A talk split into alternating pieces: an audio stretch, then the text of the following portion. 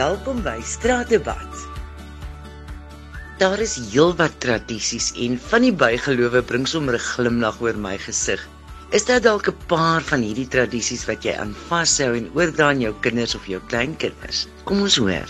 Colette ons praat van ou vrou stories of bygelowe. Glo jy dis ongelukkig om onder deur 'n leer te loop?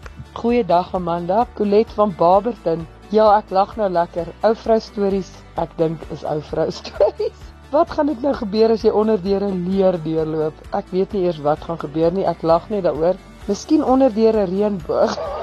Dit moontlik is. Maar nee, ek glo nie in ou vrou stories nie. Ek glo in regte stories. So, ehm, um, hulle sê evidence is the loudest voice. So op die einde van die dag moet 'n mens weet in jou eie lewe wat saak maak. So moet jy nie steur aan ou vrou stories nie. Dit is regtig uit die oude doos. Goeiemôre Amanda, dit is Ronel hierso van KZN. Wel, as my ma goeters opgehang het of sit dan sê byvoorbeeld as hy weer geslaan het, was hy baie bang vir weerlig, dan moes hy die spieëls en alles toegemaak het alhoewel ons nou deesdae dink dit is sommer stupid, maar daar is een ou vrou storie wat ek kan sê dat hulle het gesê ja as jy in koue water bad dan gaan jy verkoue kry en al daai klas van goed. Wel, as jy in die reën staan, dan weet ek net dan soek jy mos nou self daarvoor so ek weet nie of dit nou alles waar is nie, maar dit is net my opinie daarvan. Wat is jou gevoel, Delien? Ai Amanda, dis Delien hierso.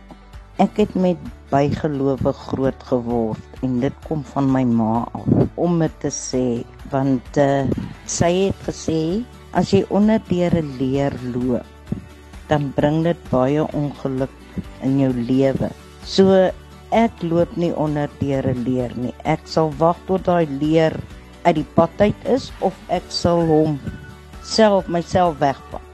Of andersins sal ek wag tot hy klaar weg is. Maar onder hom deurloop sal ek nooit nie.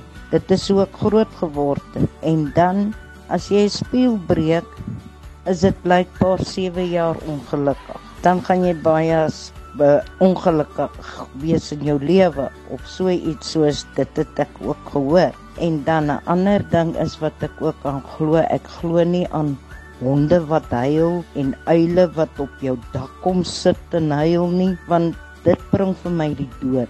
En goeters wat van jou mure afval, sommer net so.